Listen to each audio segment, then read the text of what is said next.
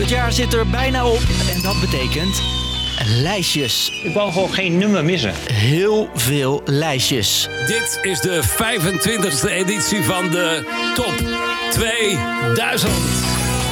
Ik ben Jasper en voor de laatste lang verhaal kort van dit jaar duiken we in de liefde voor hitlijsten. Is this the real life? Serieus, deze weer.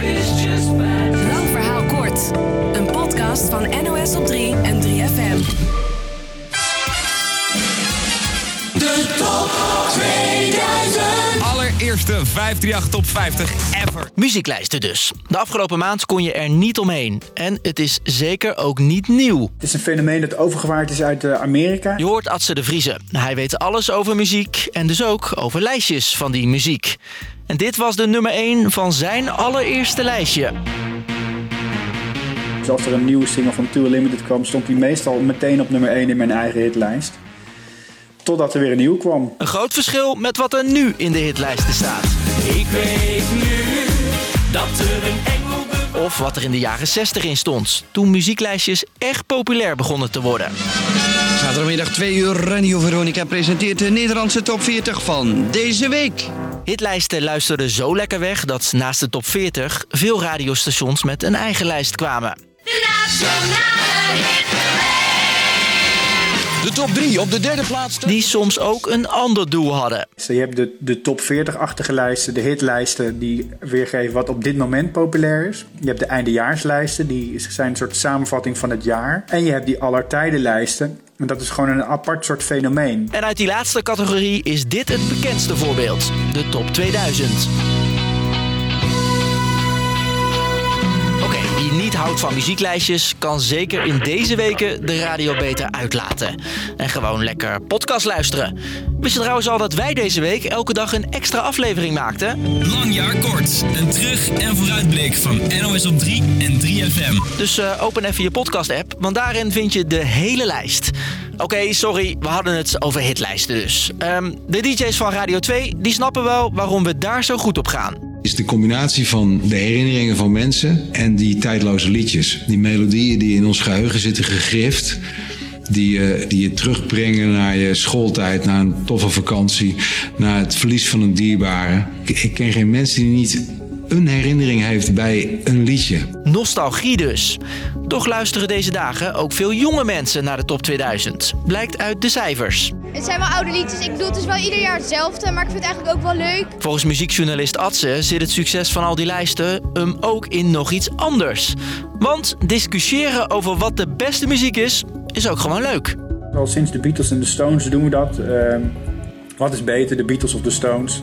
En dat je dan appels met peren of elektronica met metalmuziek vergelijkt, dat maakt daarin niet zoveel uit. Op de een of andere manier past dat bij de cultuurwereld om ehm, dingen in een volgorde te zetten. En dat vinden critici leuk en dat vindt het publiek ook leuk.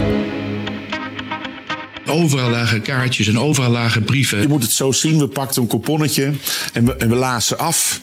En eh Kirsten, onze secretaresse, die turfde die liedjes op een lijst. Dus niks eh, via de computer of niks geautomatiseerd. Alles ging per hand. Stemmen tellen voor hitlijsten gaat inmiddels ietsje anders. Stem nu voor de lijsten der lijsten via NPO Radio 2.nl. Maar veel liedjes die 20 jaar geleden op couponnetjes werden geschreven, zijn nu nog steeds populair. Er zijn gewoon toch een heleboel acts van vroeger, zoals de Eagles, zoals Queen, zoals de, de Beatles, die gewoon ook bij nieuwe generaties toch wel aanslaan. Je hoort Atze weer. En soms krijgen nummers een tweede leven, omdat ze ineens opduiken op TikTok en YouTube.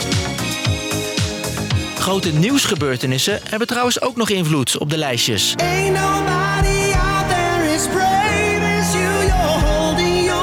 Zo kwam dit nummer van Direct in 2020 hoog binnen, omdat het veel werd gedraaid tijdens corona. En toen Peter R. de Vries in 2021 overleed, stond zijn lievelingsnummer dat jaar op plek 3, 150 plekken hoger dan het jaar daarvoor.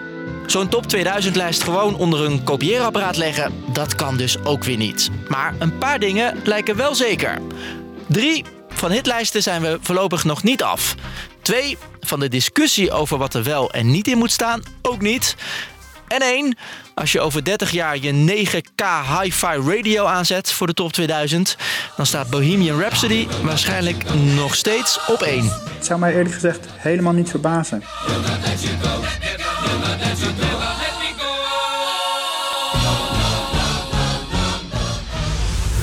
Dus, lang verhaal kort.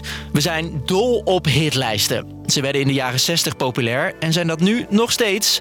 Komt onder meer omdat we muziek koppelen aan herinneringen en daar graag over praten. En ook al komt er elk jaar een hele lading nieuwe muziek uit, die oude klassiekers, die blijven geliefd. Was een weer voor dit jaar. Volgend jaar, of nou ja, eigenlijk dus gewoon maandag, dan zijn we er weer. Bedankt voor het luisteren en gelukkig nieuwjaar. 3FM. Podcast. Dit kan niet misgaan, maar dan toch kan het misgaan. De meest juicy verhalen achter de schermen van de muziekindustrie hoor je in de podcast Blauwe M&M's. Over mislukte interviews. En het eerste wat hij zegt, fuck off. Sterren die van hun voetstuk vallen. Britney Spears kwam letterlijk uit de taart springen. En de meest bizarre plekken waar je als artiest moet optreden. En toen moesten we skinny jeans nog een keer doen. Terwijl het echt niemand interesseerde. Check de podcast Blauwe M&M's via de gratis NPO Luister app of 3fm.nl slash podcast.